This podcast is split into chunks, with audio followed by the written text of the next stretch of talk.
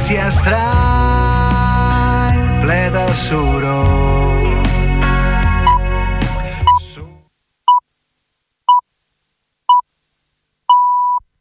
Són les 7 del matí.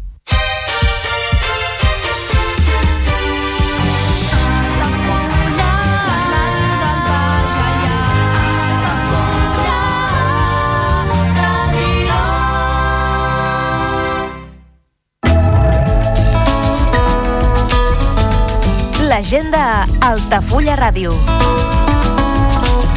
Visites guiades a la Vila Closa d'Altafulla cada primer dissabte de mes a les 11 del matí, amb sortida des de la Porta Reixada del Castell. Preu de la visita 4 euros. Més informació i reserves a l'oficina de turisme d'Altafulla i al telèfon 977 65 14 26. Visites guiades al Castell d'Altafulla cada primer dimarts i últim dissabte de mes de 10 del matí a 1 del migdia. Més informació i reserves a l'oficina de turisme d'Altafulla i al telèfon 977 65 14 26.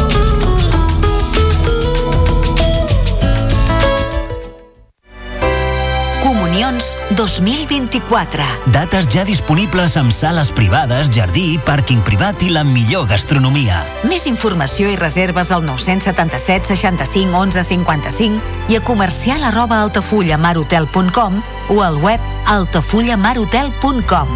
Les teves celebracions familiars a l'Altafulla Mar Hotel. Ja coneixes les propostes que t'ofereix el Club Marítim Altafulla? Vine i descobreix totes les nostres activitats. Sortides en caiac o pa del surf, cursos de vela per a totes les edats. No t'ho perdis. Club Marítim Altafulla. Obert tot l'any i per a tothom.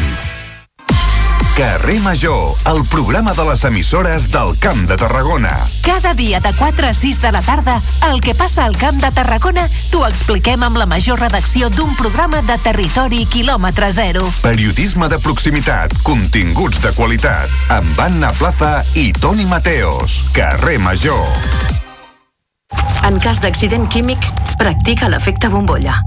Quan hi hagi un accident que pugui afectar la població, sonaran les sirenes i rebràs un missatge al mòbil. Per la teva seguretat, caldrà que et confinis immediatament. A casa, a l'edifici més proper o a l'escola. Tanca les portes i les finestres. Abaixa les persianes i apaga els sistemes de climatització. L'efecte bombolla et protegirà. Generalitat de Catalunya. Sempre endavant. Al meu país la pluja no sap ploure. El canvi climàtic asseca els rius, posa en risc l'abastament d'aigua i la producció d'aliments. Treballem per fer front a la sequera i garantir l'aigua, però cal l'esforç de tothom. Cada gota compte. La pluja no la controles, l'aixeta sí. Generalitat de Catalunya, sempre endavant. Has vist la notícia sobre la fuita química? Sabríeu com actuar en cas d'accident químic? Les indústries que treballen amb substàncies perilloses compten amb sistemes de seguretat per evitar accidents, però en determinats casos greus, la població més propera es podria veure afectada. Protecció Civil informa que l'autoevacuació no és una mesura segura. Cal confinar-se al lloc on ens trobem o a l'edifici més proper i tancar portes i finestres. Escoles i residències de gent gran saben com actuar i són llocs segurs. No hi aneu a buscar els familiars. 112. Telèfon d'emergències. El primer pas a la Lluna va canviar la humanitat. Les d'un fill et canvien el món. Caminar per la muralla xinesa és un viatge en el temps. Passejar pels teus carrers és part de la teva història. Fer el cim a l'Everest és una gesta. Quan l'enxaneta fa el cim, aixeca passions. Hi ha històries que poden ser petites per al món, però són les més importants perquè són les teves. A la teva ràdio local, sentim com tu. El meu pare va marxar, el van cridar files, jo tenia tres mesos i ja no el van tornar a veure mai més. La ràdio va fer un paper molt important a l'hora de, de saber que existia un programa de recuperació dels cossos trobats en fosses comunes de la, de la Guerra Civil. A mitjan juliol, que m'havien trucat de justícia per informar-me que havien pogut casar les dues mostres d'ADN, la de la meva mare amb la del meu avi. Vaig posar a cridar i abraçar-me amb ells amb uns plors perquè vaig pensar al final, al final ho he aconseguit. La vaig agafar la foto d'ella i li vaig dir, mama, ja tenim el papa aquí i ja pots estar junt amb ell. Si tens algun familiar desaparegut durant la Guerra Civil i el franquisme, inscriu-lo al Cens de Persones Desaparegudes i apunta't al programa d'identificació genètica. Tu també pots tancar el dol. Fem-ho bé, fem-ho tot, fem-ho possible. Generalitat de Catalunya. Vols anunciar-te a la ràdio? A la plaça del Pou? Al pavelló poliesportiu? Cap problema. Truca al 635 83 30 94 i parla amb el nostre comercial. Així de fàcil. I quins preus?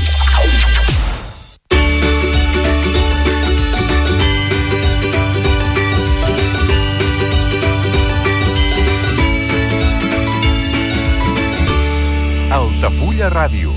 Bones festes.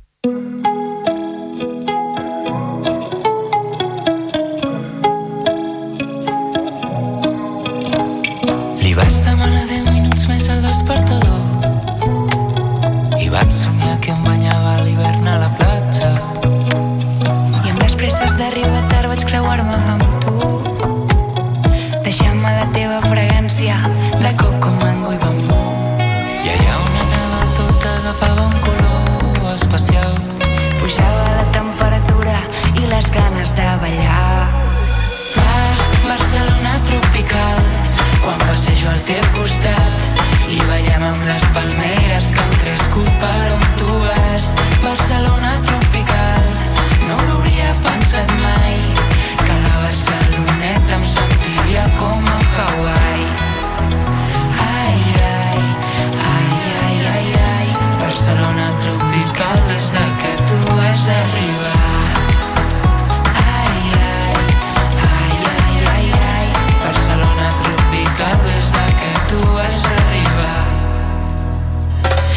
Teva pell bruna orilla si fa calor. Sembla de purpurina quan la toca el sol. I no t'he tornat a veure més, però més igual. El mapa fan l'amor, els coloms amb els tocants. Si els teus ulls jo veig el mar, vull ser roca de coral, vull banyar-me despullat. Si algun dia vols tornar,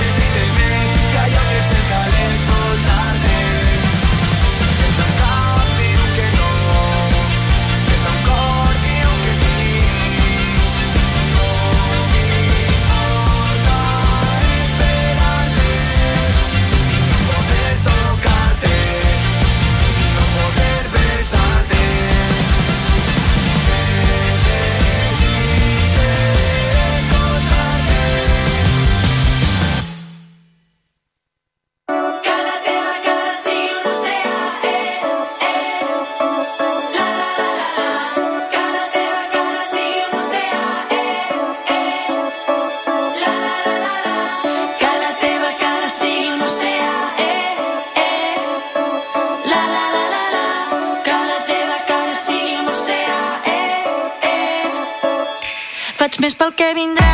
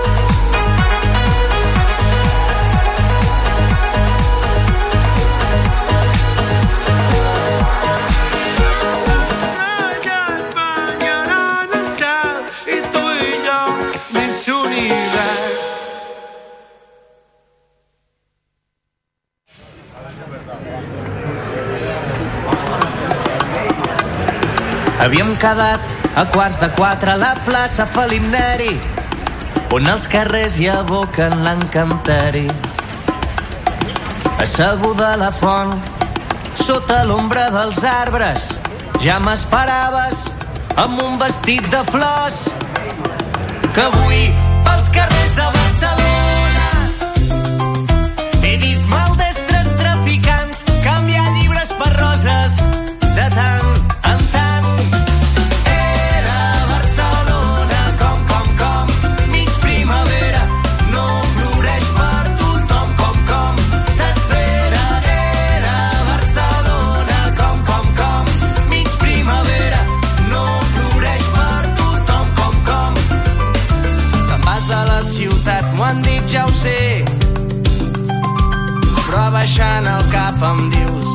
fem com si res. I en un segon, i dos, i tres, tot va parar, tot va desfer-se quan un petó sense permís batalla la conversa.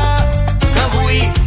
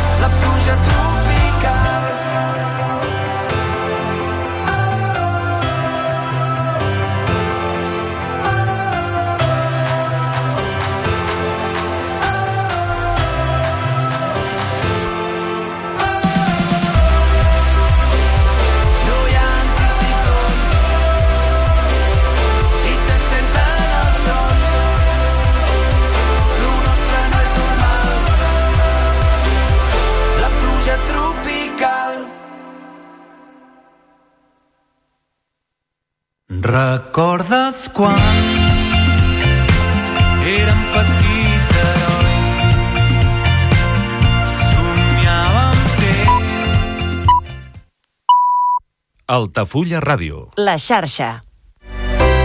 Comunions 2024. Dates ja disponibles amb sales privades, jardí, pàrquing privat i la millor gastronomia. Més informació i reserves al 977 65 11 55 i a comercial arroba altafullamarotel.com o al web altafullamarotel.com. Les teves celebracions familiars a l'Altafulla Mar Hotel.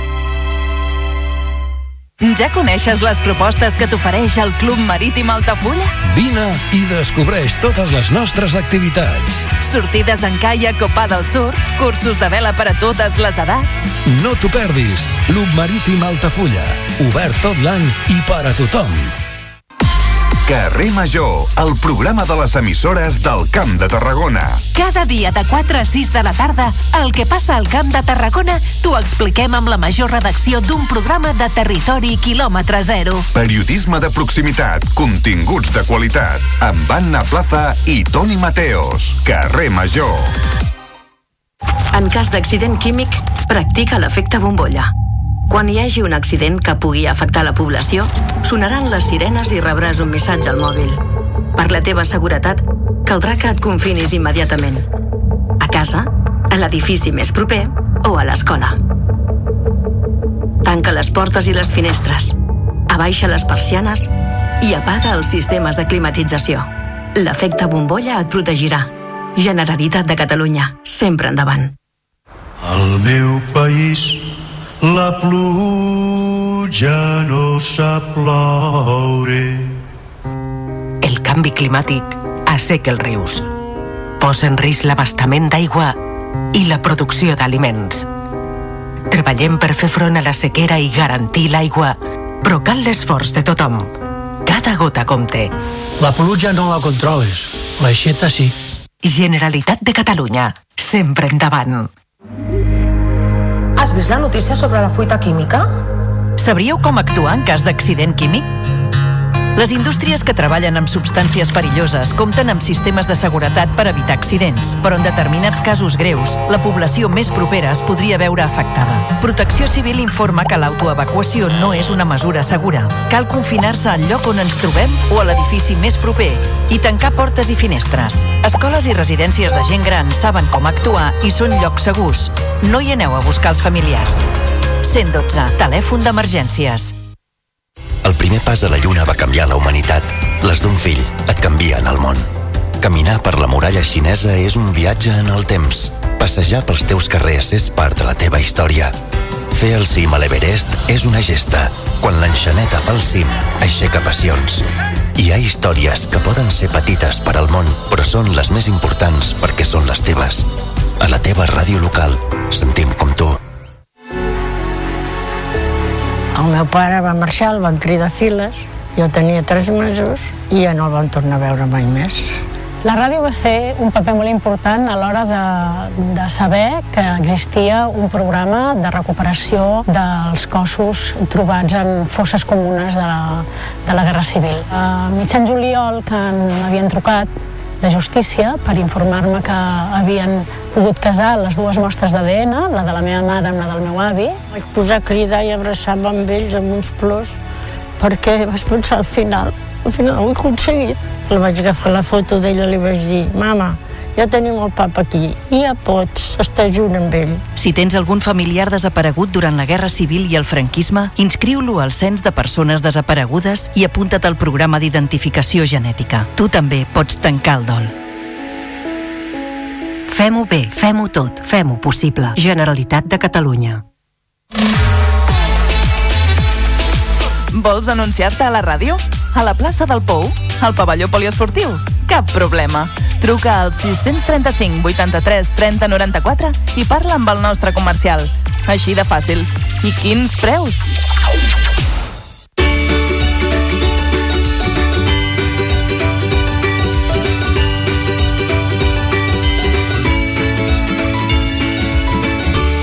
Altafulla Ràdio. Bones festes.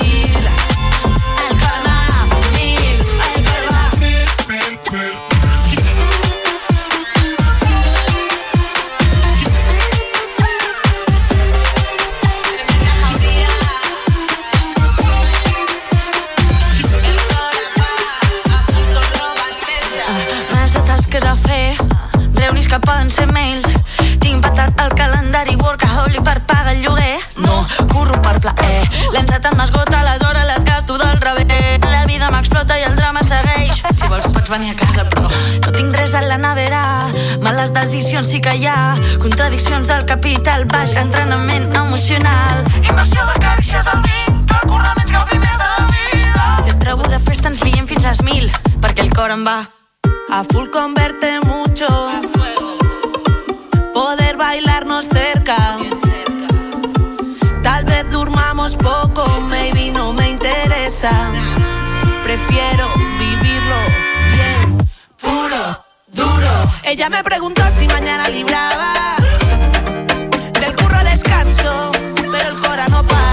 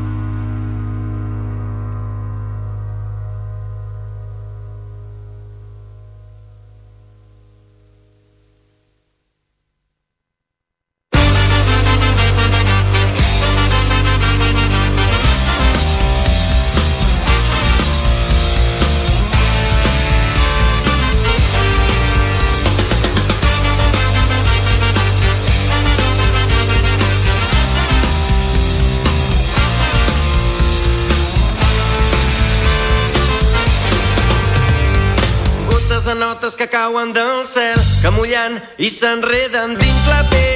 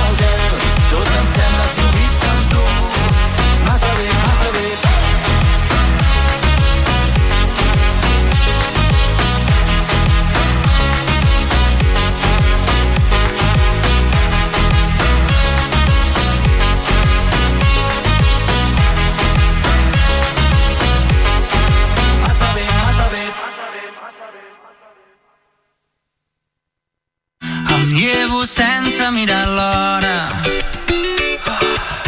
Fa un matí que m'ha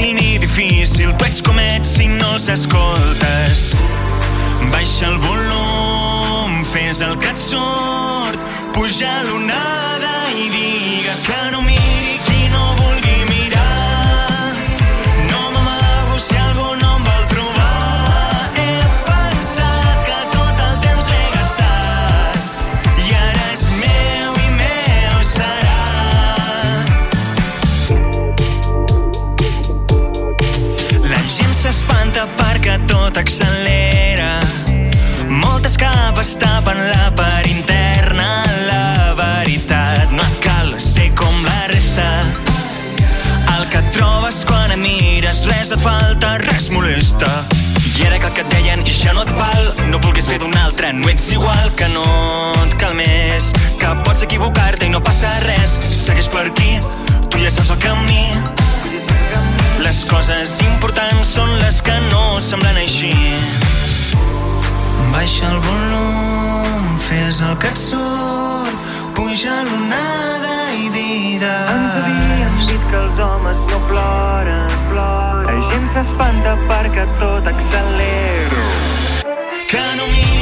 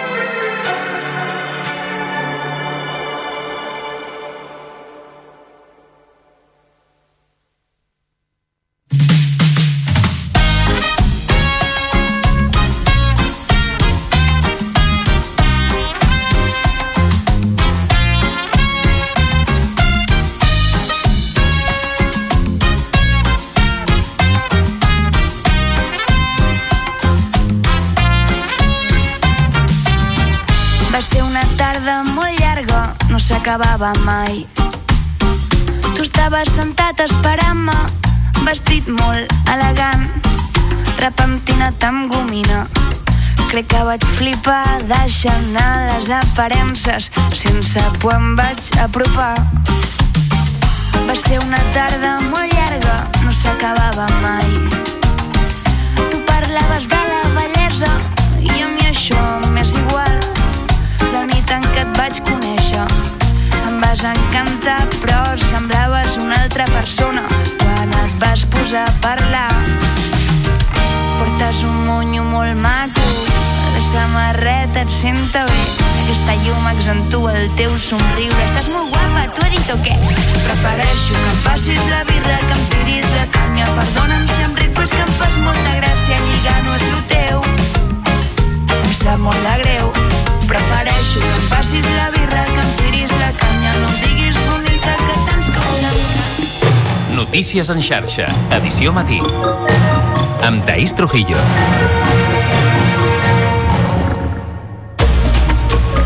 Bon dia. Els aeroports s'enfronten a un complicat final de la campanya de Nadal. Els sindicats més representatius en el sector del handling o assistència de terra d'Ibèria han convocat a partir d'avui quatre jornades de vaga per reivindicar les seves condicions laborals. Una protesta que pot complicar l'operativa de viatges en els principals aeròdroms i el retorn de les vacances. L'aturada ja ha suposat l'anul·lació de més de 440 vols de l'aerolínia i afecta a 45.600 passatgers a tot Espanya, dels quals el 90% han estat recol·locats o se'ls ha retornat l'import dels bitllets. Ahir mateix empresa i sindicats es reunien d'urgència per intentar arribar a un acord, però la trobada acabava amb un nou fracàs. Doncs així encapçalem el Notícies en xarxa d'aquest eh, divendres 5 de gener i al punt de les 8 del matí repassem també altres titulars.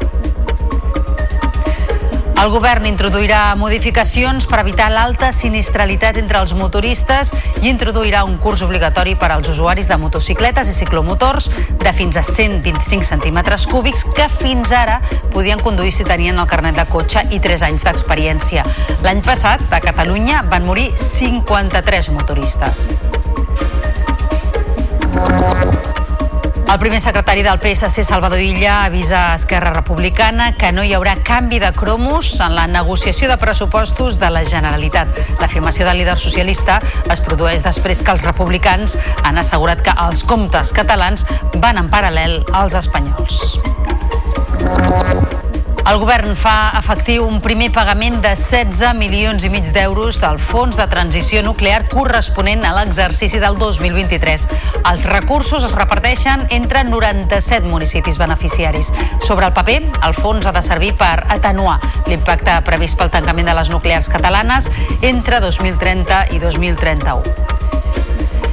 I en esports, victòria agònica del Barça a les Palmes i de nou amb remuntada. Gundogan, amb un penal al temps afegit, va aconseguir el gol del triomf que permet als blaugranes recuperar la tercera posició a la Lliga a 7 punts del Real Madrid i el Girona. I tots pendents avui del que segur serà una nit màgica amb l'arribada dels Reis d'Orient, que com cada 5 de gener tornen a Catalunya. Enguany les cavalcades podrien acabar remullades per la previsió de pluja i ja hi ha municipis com Manlleu que han decidit fer-les sota cobert. D'altres decidiran al llarg del dia. Doncs precisament volem saber si aquestes cavalcades seran o no remullades i a quines parts del país. Per tant, el que fem és eh, oferir la previsió del temps amb el Lluís Miquel Pérez. Molt bon dia. Bon dia, Taís. Doncs sí, en algunes contrades hi haurà cavalcades remullades. On? Doncs amb molta més possibilitat al voltant del Vallès Oriental, el Maresme, Osona, el Lluçanès, el Mollanès, la Selva i també la comarca del Bages. Aquí la precipitació una mica més abundant, sobretot justament a l'hora de les cavalcades, cap a les 5-6 de la tarda. En d'altres contrades, sobretot de les comarques de Ponent i de Tarragona, serà ja en forma d'algun ruixat molt més isolat al llarg de les cavalcades. Això aquesta tarda. Aquest matí ja els preparatius perquè vinguin ses majestats, els Reis d'Orient també vindran de la mà d'algun ruixadet que sobretot anirà caient per la Costa Brava, també al Prepirineu i algunes primeres nevadetes cap als 1.400 metres de cota. I el que sí que podem dir que ens portaran els Reis al llarg del cap de setmana ja és molt més fred, molt més vent i també molta més neu al Pirineu. A la resta del país el cap de setmana serà força més assolellat, per tant, punteria, podríem dir, mala sort, en aquest cas, aquestes pluges justament aquesta tarda. I n'estarem pendents a la xarxa. Notícies en xarxa, edició matí. Avui arrenca la vaga dels treballadors de serveis d'assistència a Terra d'Ibèria, el que es coneix com a handling. Aquesta vaga podria complicar l'operació tornada de les vacances de Nadal perquè s'allargarà la protesta fins dilluns, dia 8. Empresa i sindicats es van reunir ahir d'urgència per intentar arribar a un acord, però la trobada va acabar amb un nou fracàs. De moment, l'aturada ja ha suposat l'anul·lació de més de 440 vols de l'aerolínia i afecta a 45.600 passatgers a tot tota Espanya, dels quals el 90% han estat recol·locats o se'ls ha retornat l'import dels bitllets. I un altre conflicte laboral obert és el que protagonitza el sindicat Infermeres de Catalunya, que està en vaga indefinida des del passat 12 de desembre. El sindicat es va reunir ahir dijous amb el conseller de Salut, Manel Balcells, per intentar arribar a un acord i aturar la protesta del col·lectiu sanitari. Les infermeres han exigit al govern un complement salarial equivalent a la remuneració de la categoria de funcionaris A1, la reservada als llicenciats, i ho fan per tal de desconvocar aquesta vaga indefinida definida. Tot i que la competència és de Madrid, el sindicat considera que la Generalitat pot crear un complement d'homologació que permeti a les infermeres i als infermers gaudir d'aquest reconeixement. Núria Guirado és la presidenta del sindicat Infermeres de Catalunya. La vaga que fem no és pel tercer acord de l'Institut Català de la Salut, sinó eh, és una vaga eh, d'un malestar que anem aguantant des de fa molts anys. Eh, les infermeres diem prou, no podem més, i la nostra puntalla i el, la nostra reivindicació principal és aquest reconeixement de la categoria de grau en tots els àmbits i sobretot amb l'econòmic, evidentment. I nova reunió aquest divendres entre la direcció de l'empresa metal·lúrgica Celsa a Castellbisbal i els representants sindicals per intentar arribar a un acord i desconvocar la vaga indefinida prevista per dilluns que ve. Els treballadors protesten contra un incompliment del conveni per part dels nous propietaris de la companyia.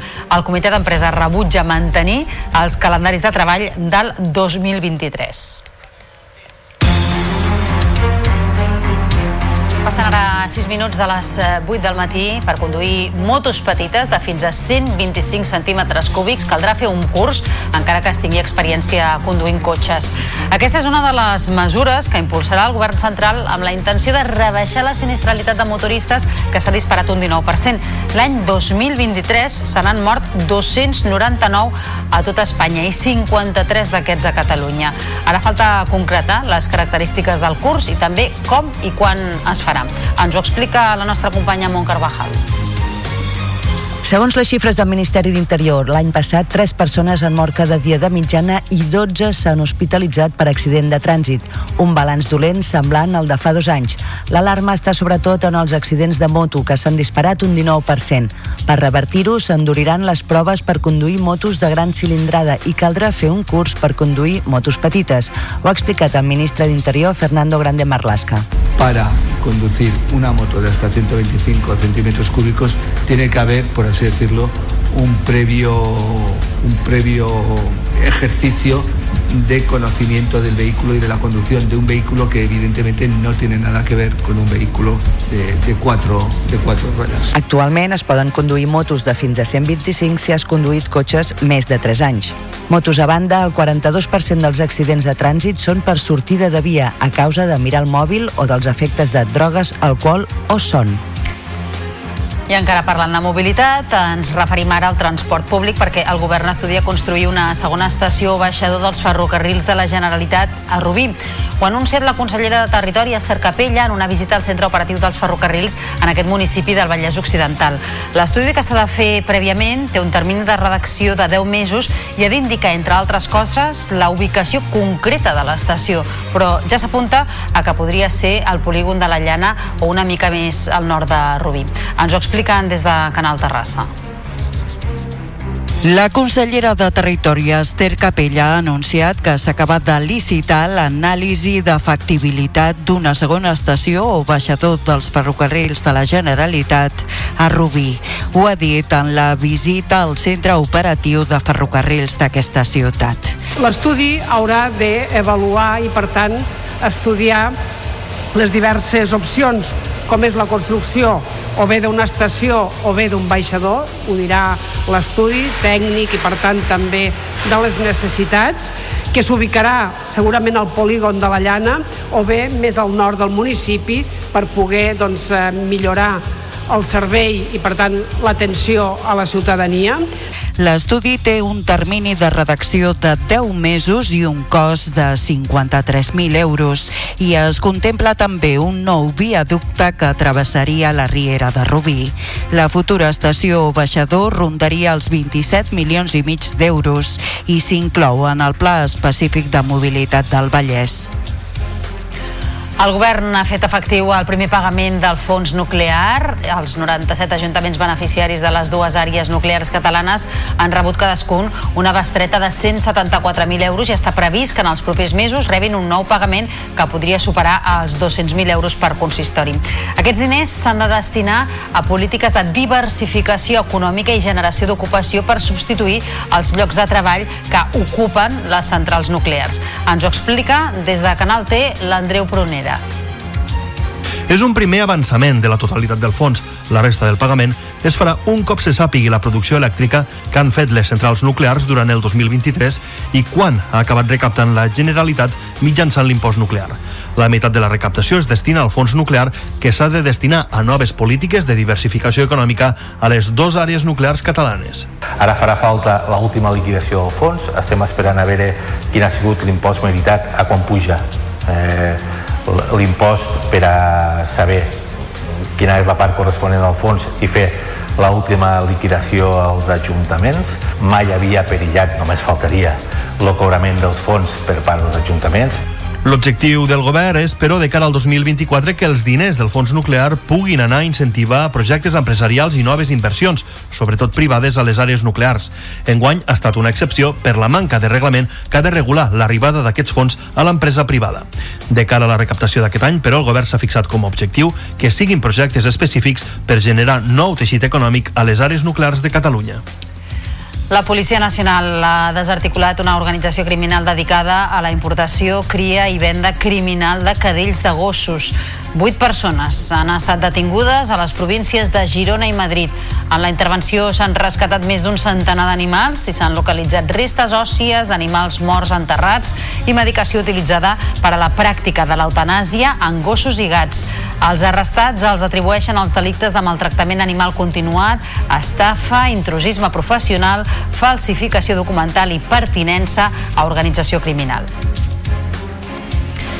L'advocada de la víctima, que hauria estat violada per Dani Alves, ha denunciat a la comissaria de les Corts la mare del futbolista pels delictes de revelació de secrets contra la integritat moral i obstrucció a la justícia. I és que la mare del jugador ha fet públiques, a través de les xarxes socials, imatges i el nom de la noia que va denunciar el seu fill per agressió sexual. El jutjat de Barcelona, que investiga el cas, havia demanat a les parts que preservessin la imatge i la identitat de la víctima. Notícies en xarxa. Tota la informació al teu abast. El primer secretari dels socialistes catalans, Salvador Illa, ha avisat a Esquerra Republicana que no hi haurà canvi de cromos en la negociació de pressupostos. És una afirmació que el líder socialista ha fet després que els republicans han assegurat que els comptes catalans van en paral·lel als espanyols. A més, Illa ha advertit al president aragonès que no hi haurà pressupostos del 2024 si la Generalitat no compleix els acords signats l'any passat. Ens ho explica la Ruth Turk, de Canal T. Salvador Illa ha dit que el PSC està disposat a obrir negociacions, però demana a Esquerra Republicana que toqui de peus a terra pels pesos dels grups parlamentaris. El primer secretari del Partit Socialista ha remarcat, però, que li preocupa el valor de la paraula i de la signatura del president aragonès.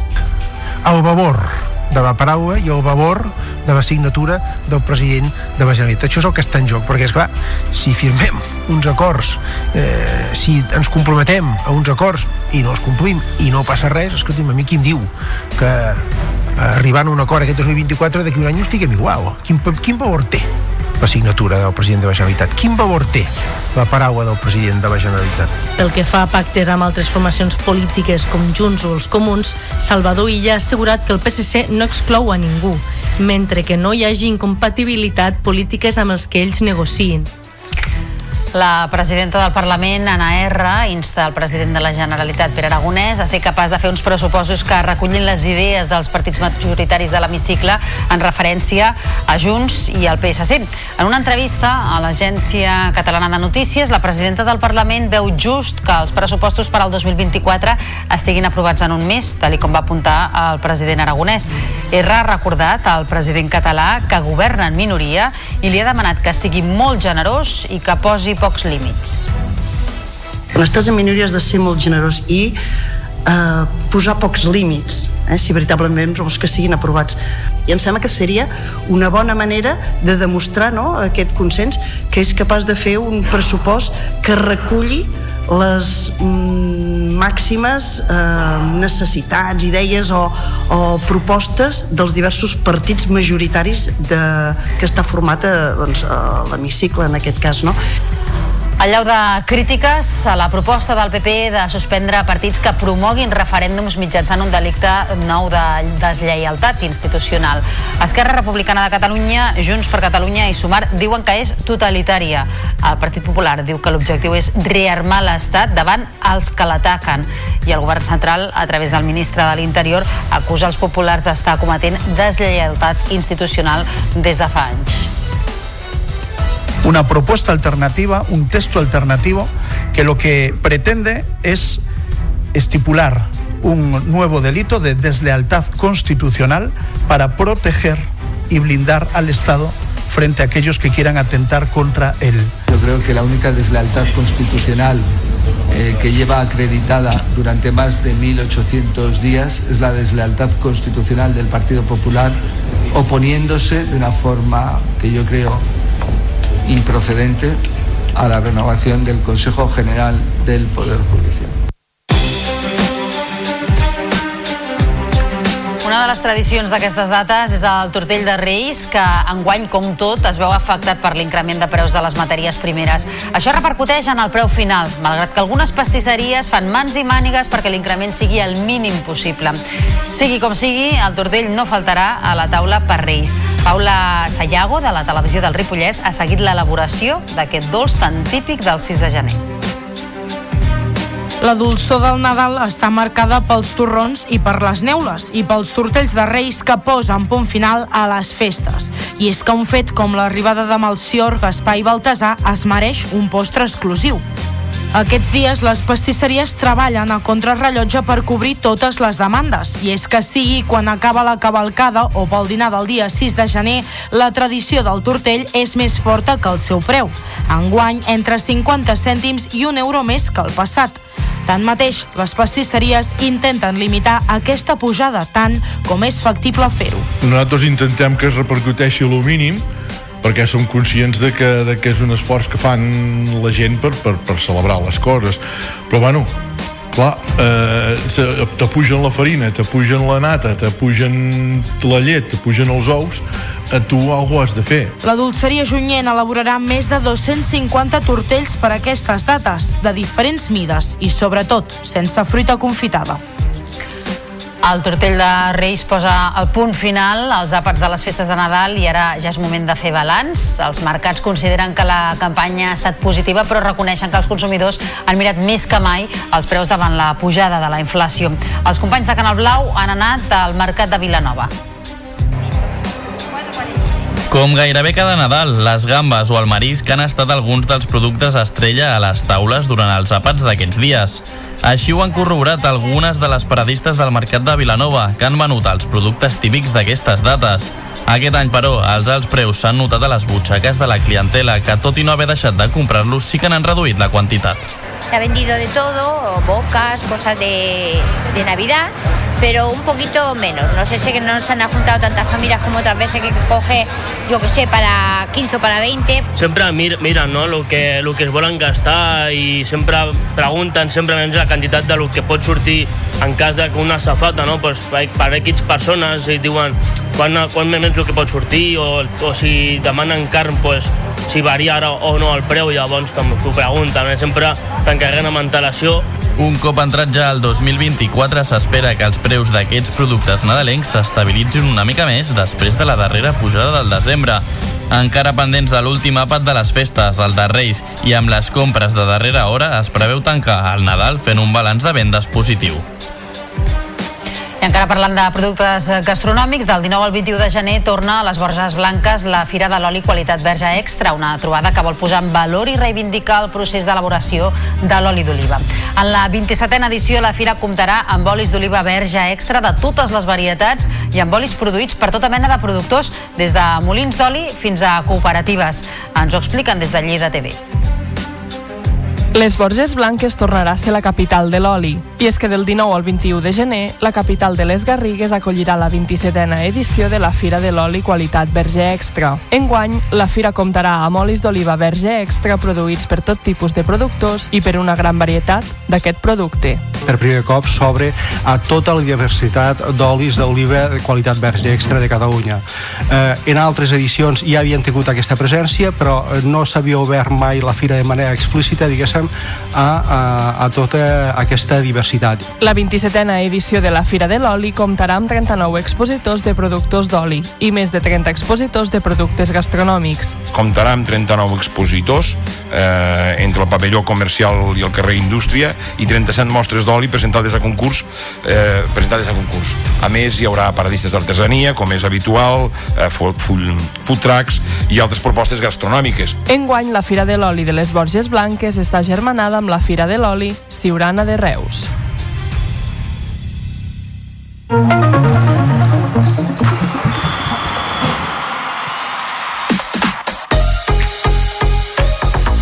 Barça va aconseguir una victòria agònica a les Palmes gràcies a un penal al temps afegit, un triomf que li va permetre recuperar la tercera posició a la Lliga. En un mal inici de partit, de nou va encaixar un gol als primers minuts. L'ex-blaugrana Munir va avançar als Canaris i la reacció del Barça no va arribar fins al segon temps, quan Ferran Torres va aprofitar una errada de la defensa per igualar el marcador. Als darrers minuts va debutar Vitor Roque i ja al descompte Gundogan va provocar un penal que va transformar ell mateix en l'1-2 definitiu. El tècnic Xavi Hernández explicava que sempre va confiar en la remuntada. Ningún equipo, Las Palmas, se ha avanzado el marcador y no lo ha remontado nadie. Pues hoy lo hemos remontado nosotros, también tiene mérito. Eh, sí, cansado no, eso es fútbol, es fútbol, es fútbol, pero sí, sí, tenía mucha fe, les he dicho en el descanso, les he dicho, vamos a ganar 1-3, les he dicho, pero si hacemos bien el timing, no caer en fuera de juego, pases no en horizontal, sino en vertical, en vertical o en diagonal, en este caso, el timing, el partido estaba ahí, no, no, no hacía falta hablar mucho más. El Barça de bàsquet juga aquest vespre a dos quarts de nou al Palau contra el Bascònia en una nova jornada de l'Eurolliga. És un partit que arriba dos dies després del triomf contra el Real Madrid en què els blaugranes van aconseguir trencar la mala ratxa de set derrotes en 10 partits. Ara toca apuntalar la reacció contra els bascos. L'entrenador Roger Grimau diu que han de jugar al nivell més alt possible contra un equip molt competitiu que destaca per lluitar fins al final i apela de nou a la màgia del Palau. Quan estàs a la pista del parquet i tens aquest palau et dona una vida extra i és així. Et dona això, et dona un punt més i, i és aquest eh, el que hem d'aconseguir, no? que aquesta simbiosi entre, entre staff, jugadors i, i públic estigui eh, a les majors vegades possibles. Ricky Rubio deixa definitivament l'NBA, així ho ha anunciat el jugador en un comunicat. Explica que la del passat 30 de juliol va ser una de les nits més dures de la seva vida. Diu que està treballant en la seva salut mental i que es troba millor i que vol compartir la seva experiència, però quan sigui el moment. Fins aleshores, el Maresmenc demana respecte per mantenir-ho en privat i anuncia que la seva carrera a l'NBA s'ha acabat. Ricky Rubio s'hi ha estat 12 temporades i ha jugat a 4 equips. I el Barça de Futbol Sala vol guanyar aquest cap de setmana a l'Olivo Arena de Jaén la tercera Supercopa consecutiva. Els blaugranes, campions de Lliga, s'enfrontaran a l'anfitrió al Jaén, que és campió de la Copa d'Espanya, en la primera semifinal demà a un quart de set. Si guanyen, disputaran la final diumenge a la tarda contra el vencedor de l'altra semifinal que juguen Palma i Cartagena. Sergio González i Adolfo tenen l'alta i entren a la convocatòria per viatjar avui a Jaén. L'ala del Moncada i Reixac, Sergio González, es mostra ambiciós.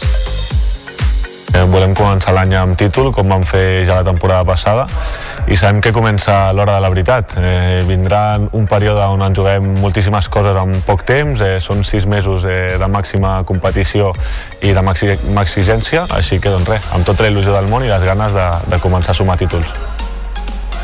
Diumenge torna l'hoquei Lliga Femenina. A un quart de cinc podrem veure el Voltregà Igualada a la xarxa. El líder, el Palau, juga contra el Mataró al migdia i també a la una el Vilassana debuta contra l'Alcobendes en un partit que podrem veure a través de la plataforma de streaming La Xarxa Més. Ens fa la prèvia l'Eva Cortijo des de Lleida Televisió. El 2024 ha de ser l'any de l'esperat títol per un Vilassana que ja fa més d'una temporada que ho lluita tot. Les del Pla d'Urgell saben que és complicat i per això demanen un puntet de sort, el que diuen els hi ha faltat aquests últims anys. Un equip que arrossega molta afició i que va recollint premis de manera individual per algunes de les jugadores.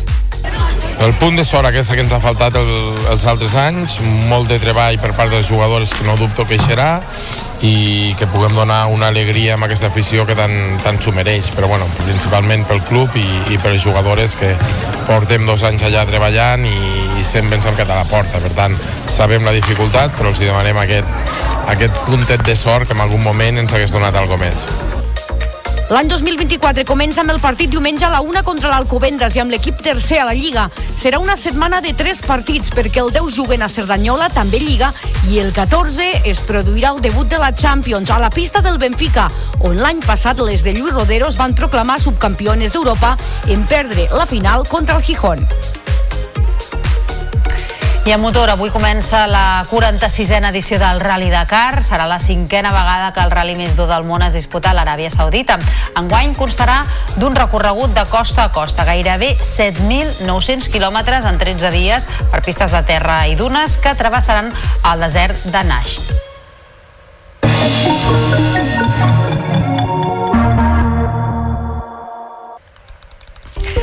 Falten hores perquè els Reis d'Orient facin realitat els somnis de petits i grans i portin el que se'ls ha demanat a la carta. Un regal avançat per a tots és la pluja, que es preveu que caigui justament aquesta tarda a bona part de Catalunya després de molt de temps sense fer acte de presència. Alguns ajuntaments s'han plantejat canvis a les cavalcades i d'altres de moment les mantenen igual. Fem ara un repàs de l'arribada dels Reis a les principals ciutats de Catalunya de la mà de la nostra companya Maite Polo. A Barcelona caldrà anar a la cavalcada amb paraigua. La novetat és que Gaspar i Baltasar estrenaran carrosses noves. Els Reis Mags arribaran a la capital catalana per mar, com és tradició, a bord del Pailabot Santa Eulàlia, i un centenar de patges recolliran les cartes d'última hora a la platja. Faran el mateix recorregut que l'any passat. A Mataró es manté la rua tal com s'ha anunciat, però si la pluja és intensa, només desfilaran les carrosses dels Reis i la del Temps, on hi ha en Tempus i el seu ajudant, en Tic-Tac. A Osona hi ha municipis que ja han optat pel Pla B. Manlleu té clar que ses majestats arribaran sota cobert al pavelló municipal, mentre que d'altres, com Vic i Torelló, decidiran avui mateix què fan. A Manresa estrenaran una cavalcada completament renovada i amb un nou recorregut. A Lleida, Malció, Gaspar i Baltasar hi arribaran en tren a l'estació Lleida Pirineus i un cop al Palau de la Paeria rebran els nens i nenes que vulguin saludar-los. A Girona la cavalcada canviarà el recorregut, però no per la pluja, sinó per manca d'efectius policials. Començarà i acabarà als llocs dels últims anys, però variarà el tram del mig. I a Amposta, la capital del Montsià, s'ha donat un permís especial de circulació perquè els Reis d'Orient puguin arribar-hi a bord d'un vaixell elèctric.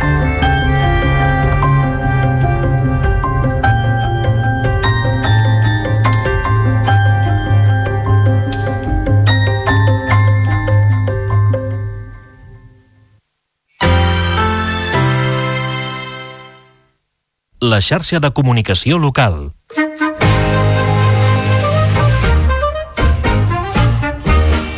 Qui van ser els reis d'Orient?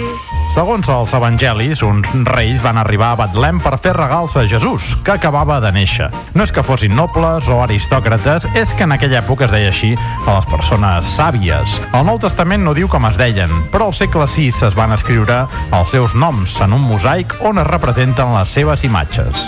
I a quins països van arribar a Betlem? La Bíblia relata que els tres savis o reis van arribar d'Orient, però no se'n detalla la procedència concreta. A poc a poc, la tradició els va donar un lloc d'origen individual i els va situar als tres continents que aleshores es coneixien, Europa, Àsia i Àfrica. Es diu també que, tot i viure en llocs distants, eren molt amics. I què li van regalar al nen Jesús? Avui dia els nens solen escriure una carta als reis, on els demanen joguines, jocs de construcció, bicicletes, nines... La llista pot ser molt llarga. Però els reis d'Orient que van anar a Betlem eren persones sàvies, estudiosos, que van pensar molt bé què havien de portar. Després de meditar-ho bé, van triar tres regals simbòlics. Or, perquè havien llegit que Jesús seria rei, encens, que reconeixia el nadó com a Déu, perquè era una resina que es cremava als altars, i mirra, que es feia servir als enterraments i simbolitzava la humanitat de Jesús. Els supertafaners ho volen saber tot del Nadal, de l'editorial Larús, és un dels llibres que les ràdios locals et regalem a aquestes festes. Escolta contes, poemes i supertafaneries a Lletres de Nadal, a la teva ràdio local i a la xarxa Més.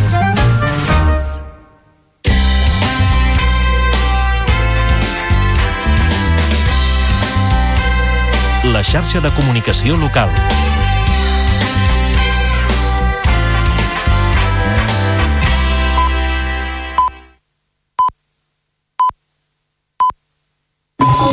Notícies en xarxa, edició matí.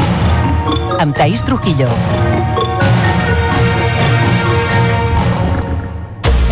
Bon dia, avui al Notícies en xarxa us estem explicant que els aeroports s'enfronten a un complicat final de la campanya de Nadal. De seguida anirem cap a l'aeroport del Prat per conèixer com està la situació davant aquesta convocatòria de vaga i és que els sindicats més representatius del sector del handling o assistència de terra han convocat a partir d'avui quatre jornades d'aturada per reivindicar les seves condicions laborals. És una protesta que pot complicar l'operativa de viatges en els principals aeròdroms i el retorn de les vacances. L'aturada ja ha suposat l'anul·lació de més de 440 vols de l'aerolínia i afecta a 45.600 passatgers a tota Espanya, dels quals el 90% han estat recol·locats o se'ls ha retornat l'import dels bitllets.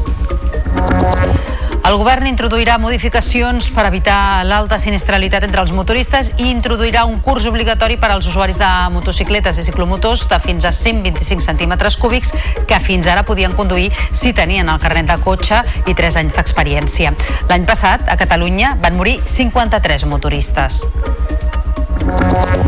El primer secretari del PSC, Salvador Illa, avisa a Esquerra que no hi haurà canvi de cromos en la negociació dels pressupostos de la Generalitat. L'afirmació del líder socialista es produeix després que els republicans han assegurat que els comptes catalans van en paral·lel als espanyols. I tots pendents avui del que segur serà una nit màgica amb l'arribada dels Reis d'Orient que com cada 5 de gener tornen a Catalunya. Enguany les cavalcades podrien acabar remullades per la previsió de pluja i ja hi ha municipis com Manlleu que han decidit fer-les sota cobert. D'altres ho decidiran al llarg de la jornada. I gastronòmicament parlant, un dels protagonistes d'aquesta jornada i la de demà és el Tortell de Reis. En uns minuts anirem fins a Manresa per veure com els tenen preparats en un forn de la capital del Bages.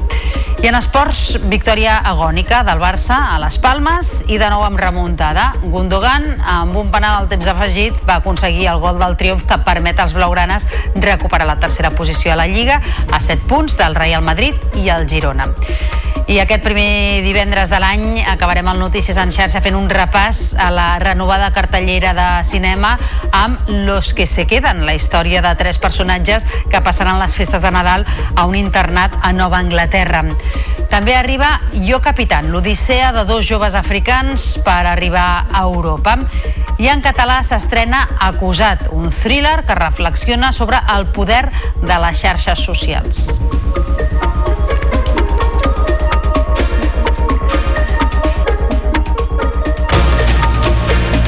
Notícies en xarxa, edició matí.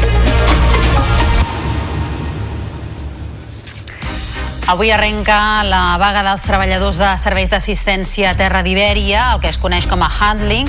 Aquesta vaga podria complicar l'operació tornada de les vacances de Nadal perquè s'allargarà fins dilluns dia 8. Empresa i sindicats es van reunir ahir d'urgència per intentar arribar a un acord, però la trobada va acabar amb un nou fracàs. Per saber quina és la situació a hores d'ara, a l'aeroport Josep Tarradellas, al Prat, establim connexió amb els nostres companys de TV, la Marina López i el Josep Ullell. Josep, molt bon dia, com està la situació? Bon dia, doncs avui és aquest primer dia d'aquestes reivindicacions dels serveis de terra d'Ibèria. Hi ha hagut diversos vols cancel·lats per l'anomenat tema del handling. Anem a veure una mica més què és aquest tema, quines són les reivindicacions dels sindicats i quines són les futuribles jornades que ens podrien esperar si no s'arribés a un acord. Estem amb el José Ramírez del sindicat UGT. José, molt bon dia. Bon dia. Explica'ns una mica quines són les reivindicacions del sindicat i l'última hora després de que no s'hagués arribat a un acord amb l'empresa i que finalment 8.000 treballadors, si no m'equivoco, estan cridats a aquesta paga. Bé, uh, el Halling és allò que entenem com l'atenció al passatger i a l'avió. Cada set anys la companyia AENA treu això a llicències. El que passa que els treballadors d'Iberia tenim una clàusula dins del conveni que som garantia preferent de, som garan, proveïdors preferents de la companyia tant Iberia com el grup IAG i aquí és on hem de posar una miqueta el focus que és Iberia, que és Vueling, qui és qui aquí a aquest món de l'aeroport. Iberia és propietària majoritària de la Vueling i Iberia és propietària de si mateixa, evidentment, d'Iberia Express i de Level. Nosaltres el que vam fer el 2013-2014 després d'un pla de viabilitat va ser signar una sèrie de garanties on nosaltres proveiríem sempre de forma preferent a la companyia de tots els serveis de Hallin i, i això és el que es demana que es compleixi el, el conveni i la seva integritat i la companyia diu que no som del tot rentables eh, evidentment amb les taules salarials que hem pactat amb la companyia fa ben poc. O sigui, no s'entén aquest missatge de, de la companyia que és molt ben, contradictori. No sé quin seguiment espereu de la vaga en el dia d'avui, en aquest, en aquest pont, en aquests dies que, d'aquests tres dies convocats de moment. Bé, els treballadors de l'aeroport, evidentment tenim uns serveis mínims que han de garantir a la mobilitat dels passatgers eh, entre aeroports i això ho dicta el Ministeri. I ens agradi més o ens agradi menys, els treballadors hem de respectar aquests serveis mínims. Tenim uns serveis mínims del 81 al 86% de la plantilla. Evidentment hi ha vols cancel·lats, però n'hi ha vols que mm, estan ara mateix sortint no és l'operativa normal i l'operativa eh, s'està ressentint sí, s'està ressentint perquè n'hi ha treballadors i treballadores que no han vingut a, a treballar perquè volen exercir el seu dret a, a la vaga i sí que estan havent-hi mm, endarriments al que és la sortida i els equipatges dels avions i això, doncs, eh, evidentment, al llarg del dia sí que pot haver-hi una incidència una miqueta més gran per lo que diem de l'efecte dominó, no? El que passa al matí es replica al migdia, després a la tarda, evidentment, també, i després a la nit eh, torne, ho tornem a veure una miqueta més, més, més engrandit. Ahir escoltàvem aquest últim intent de, per part dels sindicats, de l'empresa, de reunió, d'arribar a un acord per desconvocar la vaga. Finalment no va ser així.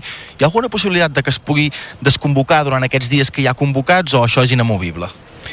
Inamovible no hi ha res, o sigui, el, el comitè de vaga està comunicat a la, a la companyia, la companyia sap perfectament on, on estan les nostres reivindicacions, ens coneix mm, personalment a tots els components del comitè de vaga i sap on està la tecla per poder solucionar aquest problema. El que passa que si no volen, evidentment, aquesta vaga no, no es podrà desconvocar. Ja van fer una primera desconvocatòria la primera part de les vacances del Nadal, eh, fins i tot el govern de, de l'Estat ens va demanar interactuar amb la companyia per poder trobar una solució, semblava que sí, i després doncs, s'han desdit i ens diuen que no. Doncs estem aquí. Ara. Doncs José Ramírez, eh, sindicat de UGT, agrair-nos que ens hagi assistit en aquest dia, eh, imagino una miqueta complicat per vostès i també desitjar-li, evidentment, la millor de les sorts. Moltes gràcies. Doncs, companys, ja heu escoltat les paraules del de, sindicat de UGT del senyor José Ramírez.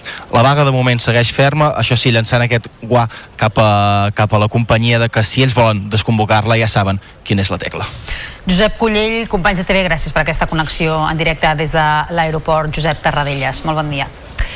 I un altre conflicte laboral obert és el que protagonitza el Sindicat Infermeres de Catalunya, que està en vaga indefinida des del passat 12 de desembre. El sindicat es va reunir ahir dijous amb el conseller de Salut, Manel Balcells, per intentar arribar a un acord i aturar la protesta del col·lectiu sanitari. Les infermeres han exigit al govern un complement salarial equivalent a la remuneració de la categoria de funcionaris A1, la reservada als llicenciats, i ho fan per tal de desconvocar la vaga que per ara és indefinida. Tot i que la competència per fer això és de Madrid, el sindicat considera que la Generalitat pot crear un complement d'homologació que permeti a les infermeres gaudir d'aquest reconeixement. Núria Guirado és la presidenta del Sindicat Infermeres de Catalunya. La vaga que fem no és pel tercer acord de l'Institut Català de la Salut, sinó eh, és una vaga eh, d'un malestar que anem aguantant des de fa molts anys. Eh, les infermeres diem prou, no podem més, i la nostra puntalla i el, la nostra reivindicació principal és aquest reconeixement de la categoria de grau en tots els àmbits i sobretot amb l'econòmic, evidentment. Per conduir motos petites de fins a 125 centímetres cúbics caldrà fer un curs, encara que es tingui experiència conduint cotxes. Aquesta és una de les mesures que impulsarà el govern central amb la intenció de rebaixar la sinistralitat dels motoristes que s'ha disparat un 19%. L'any 2023 se n'han mort 299 a tot Espanya i 53 d'aquests a Catalunya. Ara falta concretar les característiques del curs i també com i quan es farà. Ens ho explica la Mont Carvajal. Segons les xifres del Ministeri d'Interior, l'any passat 3 persones han mort cada dia de mitjana i 12 s'han hospitalitzat per accident de trànsit, un balanç dolent semblant al de fa dos anys. L'alarma està sobretot en els accidents de moto, que s'han disparat un 19%. Per revertir-ho, s'enduriran les proves per conduir motos de gran cilindrada i caldrà fer un curs per conduir motos petites. Ho ha explicat el ministre d'Interior, Fernando Grande Marlasca. Para conducir una moto de hasta 125 centímetros cúbicos tiene que haber, por así decirlo, un previo, un previo ejercicio de conocimiento del vehículo y de la conducción de un vehículo que evidentemente no tiene nada que ver con un vehículo de, de, cuatro, de cuatro ruedas. Actualment es poden conduir motos de fins a 125 si has conduït cotxes més de 3 anys. Motos a banda, el 42% dels accidents de trànsit són per sortida de via a causa de mirar el mòbil o dels efectes de drogues, alcohol o son. El govern ha fet efectiu el primer pagament dels fons nuclears. Els 97 ajuntaments beneficiaris de les dues àrees nuclears catalanes han rebut cadascun una bestreta de 174.000 euros i està previst que en els, propers, en els propers mesos rebin un nou pagament que podria superar els 200.000 euros per consistori. Aquests diners s'han de destinar a polítiques de diversificació econòmica i de generació d'ocupació per tal de substituir els llocs de treball que actualment ocupen les centrals nuclears. Ens ho explica des de Canal té l'Andreu Prunera. És un primer avançament de la totalitat del fons. La resta del pagament es farà un cop se sàpigui la producció elèctrica que han fet les centrals nuclears durant el 2023 i quan ha acabat recaptant la Generalitat mitjançant l'impost nuclear. La meitat de la recaptació es destina al fons nuclear que s'ha de destinar a noves polítiques de diversificació econòmica a les dues àrees nuclears catalanes. Ara farà falta l'última liquidació del fons. Estem esperant a veure quin ha sigut l'impost meritat a quan puja. Eh, l'impost per a saber quina és la part corresponent al fons i fer l'última liquidació als ajuntaments. Mai havia perillat, només faltaria, el cobrament dels fons per part dels ajuntaments. L'objectiu del govern és, però, de cara al 2024, que els diners del fons nuclear puguin anar a incentivar projectes empresarials i noves inversions, sobretot privades a les àrees nuclears. Enguany ha estat una excepció per la manca de reglament que ha de regular l'arribada d'aquests fons a l'empresa privada. De cara a la recaptació d'aquest any, però, el govern s'ha fixat com a objectiu que siguin projectes específics per generar nou teixit econòmic a les àrees nuclears de Catalunya.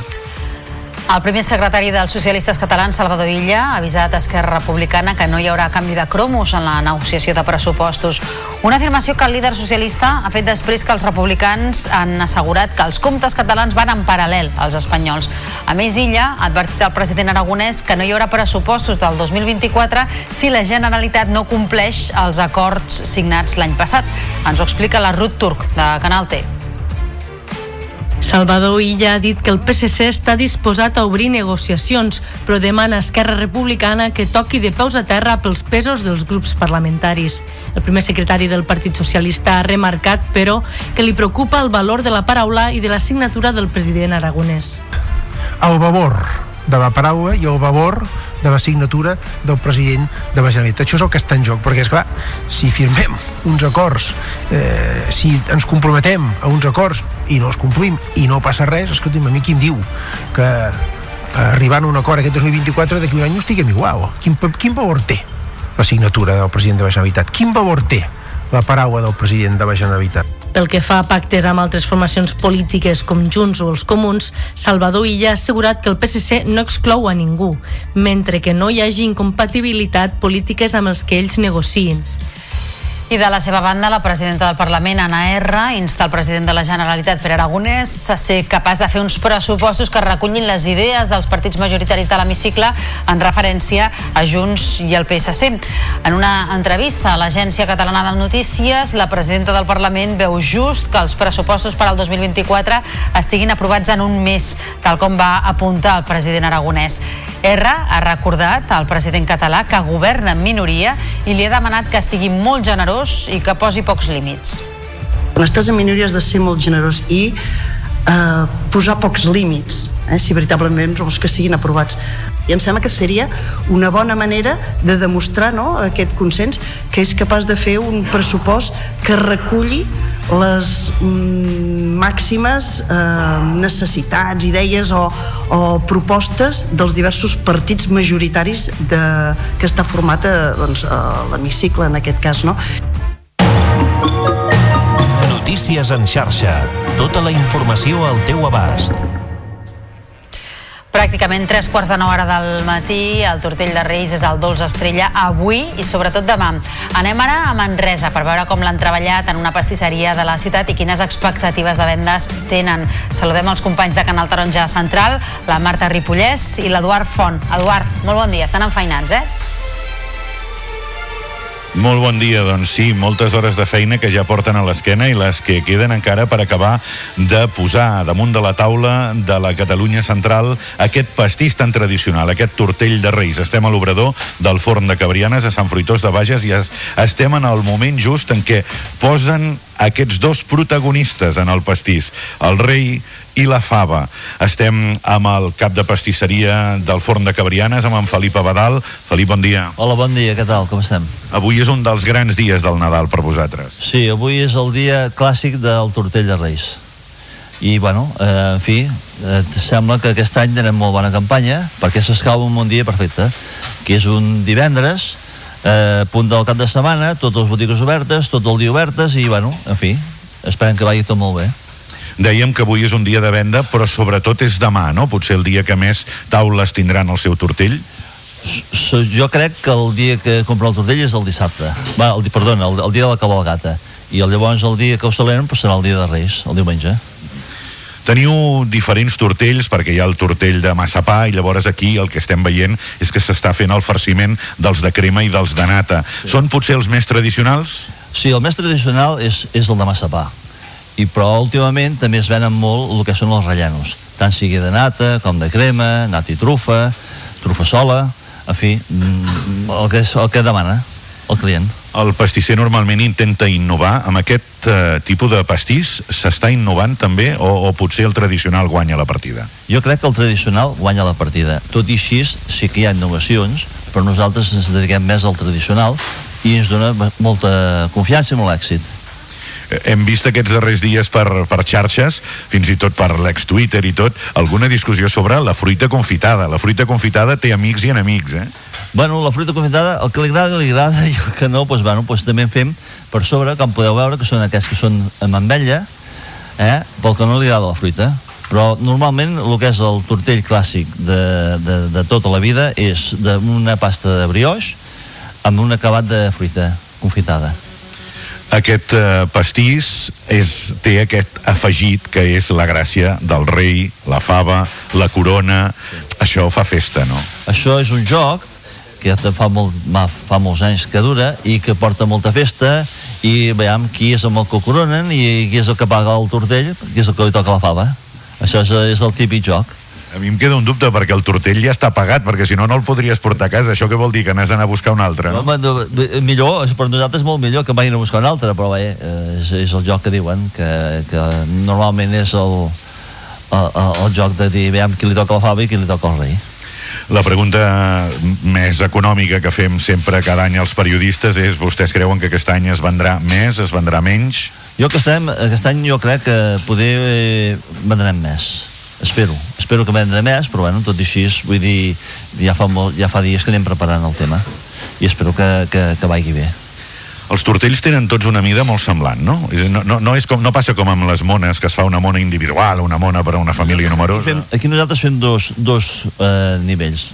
Fem el, el, diguéssim, el gran i el petit. I ja està. I és el, les dues mides que fem. Perfecte, Felip, eh, us queda molta estona de feina avui, no encara? Uh, avui bastanta estona, sí. Ja fa estona que ja fa dies que anem treballant el tema, el anem preparant i avui és el dia a tope. Esperem que vagi molt bé. Esperem que sí, moltes gràcies. Gràcies a vosaltres. Doncs ens quedem aquí amb el gust del dolç als llavis que ens arriba d'aquest obrador que tenim al darrere amb una feina frenètica per tal de que aquests tortells arribin a taula avui al vespre, el dissabte al migdia o quan sigui d'aquest cap de setmana de Reis. Gràcies per aquesta connexió en directe des de Sant Fruitós i esperem que els pugueu tastar ara per esmorzar. Que vagi molt bé. Això ho esperem. Gràcies.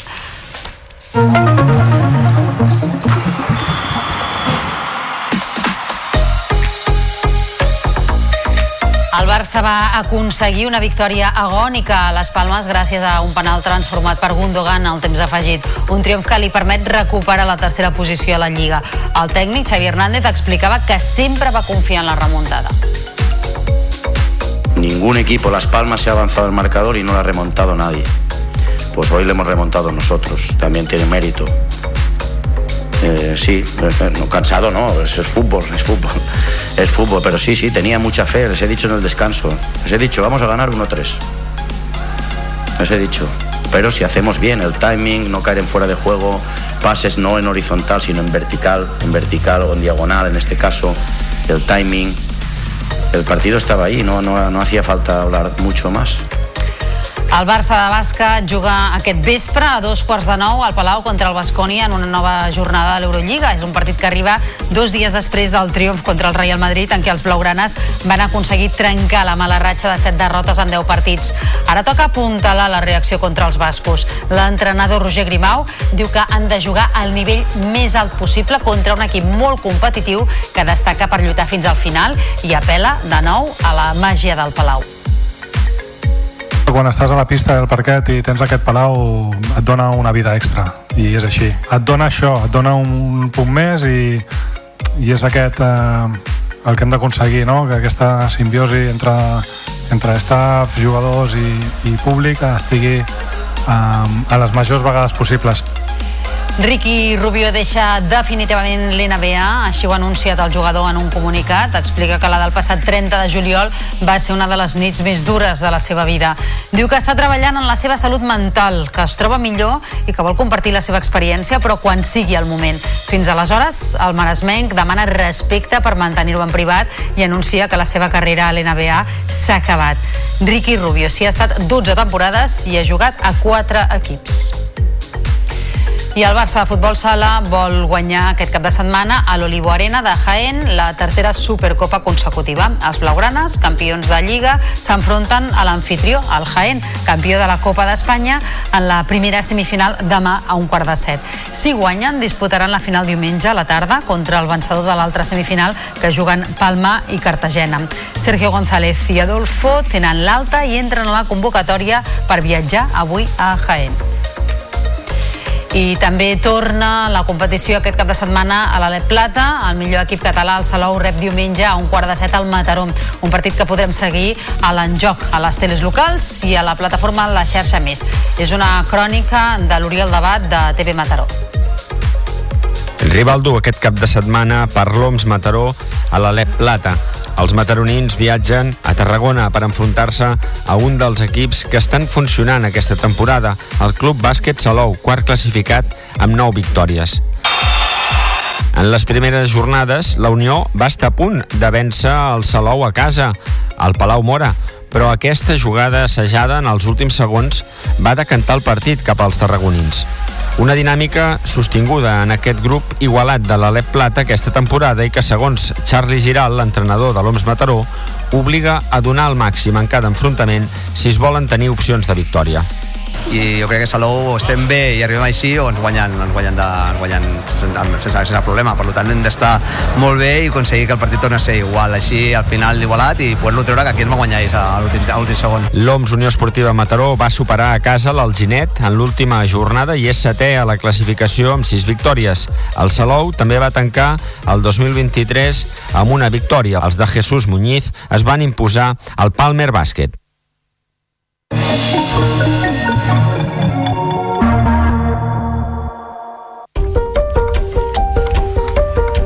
Com cada divendres, repassem les estrenes de cinema. En aquest cas es tracta de la primera cartellera de l'any, que arriba amb tres pel·lícules destacades. Los que se queden, Jo Capitán i Acusat, un thriller que reflexiona sobre el poder de les xarxes socials i que s'estrena en català. Ens ho explica la nostra companya Gemma Monconill.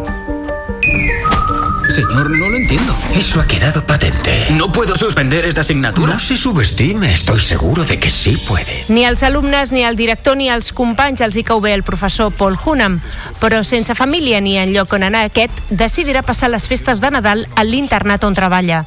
A los que se queden, ell, la cuinera Mary, que cuida els fills dels privilegiats i que va perdre el seu fa poc a Vietnam, i l'Angus, l'únic alumne que queda al centre i que sempre està a punt de ser expulsat pel seu mal comportament, formaran una família nadalenca que conviuran durant dues setmanes molt nevades a Nova Anglaterra. La historia no es solo el estudio del pasado, es una explicación del presente. ¿Sabe cuando lo dice así y le agrega pornografía es mucho más fácil de entender? Salam aleikum, queridos ancestros, con nuestro más profundo respeto. Nos ponemos en vuestras manos para un viaje que vamos a empezar. Pedimos vuestra bendición. Jo Capitán explica la increïble història de dos amics, Seidu i Musa, que parteixen de Dakar cap a Europa en busca d'un futur millor. Junts viuran una perillosa aventura a través dels obstacles del desert, l'horror dels camps de presoners libis i els perills del mar. Si llevas el barco podéis ir los dos por el precio de uno. No puedo llevar ese barco tan grande. Es mucha gente, muchas vidas, hay niños. Mare meva, ¿Qué pasa? el de la tele ets tu? No sóc jo. Després d'un atemptat terrorista al metro de Londres, Harry, un jove britànic, pateix una caça de bruixes a través d'internet. Ha acusat, la societat reacciona equivocadament i assalten casa seva una nit obsessionats amb la venjança. Ell haurà de fer tot el possible per sobreviure i el que semblava un cap de setmana tranquil acabarà sent un malson. Mas não dizes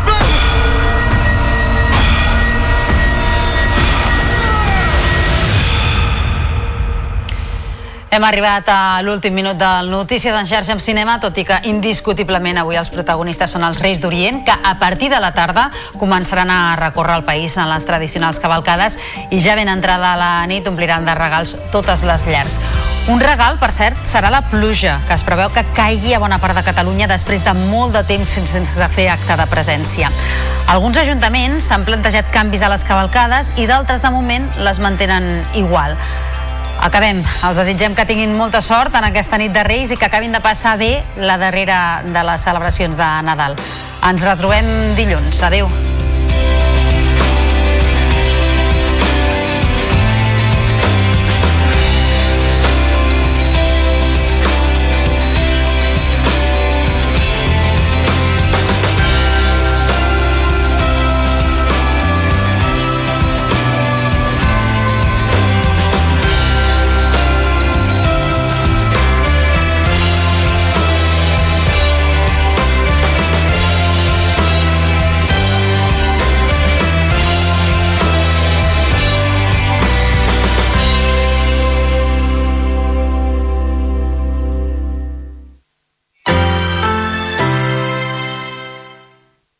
La xarxa de comunicació local.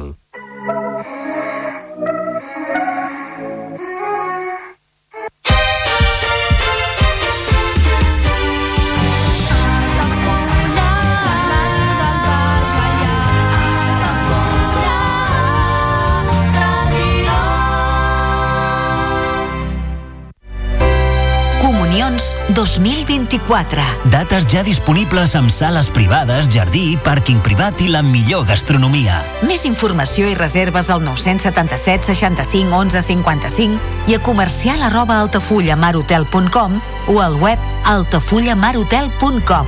Les teves celebracions familiars a l'Altafulla Mar Hotel. Ja coneixes les propostes que t'ofereix el Club Marítim Altafulla? Vine i descobreix totes les nostres activitats. Sortides en caiac o pa del surf, cursos de vela per a totes les edats. No t'ho perdis. Club Marítim Altafulla. Obert tot l'any i per a tothom. Carrer Major, el programa de les emissores del Camp de Tarragona. Cada dia de 4 a 6 de la tarda, el que passa al Camp de Tarragona t'ho expliquem amb la major redacció d'un programa de territori quilòmetre zero. Periodisme de proximitat, continguts de qualitat, amb Anna Plaza i Toni Mateos. Carrer Major. Al meu país la pluja no sap ploure.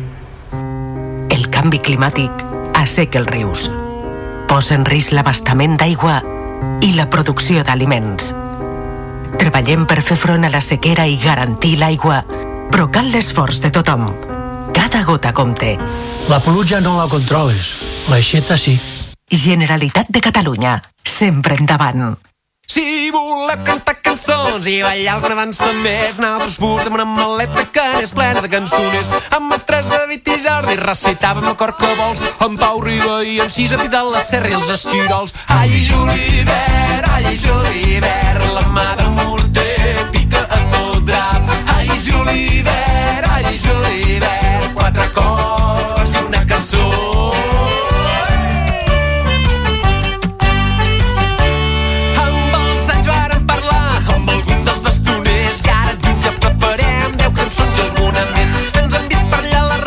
Rata, per les creus potser també. Hem anat a la riera, patatuf, mira que bé. Ai, Julivert, ai, Julivert, la mà del morter pica a tot drap.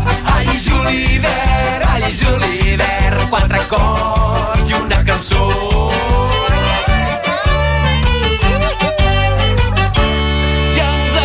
Seure a taula i que hi molta gent, que vergonya i que. Són les 9 del matí.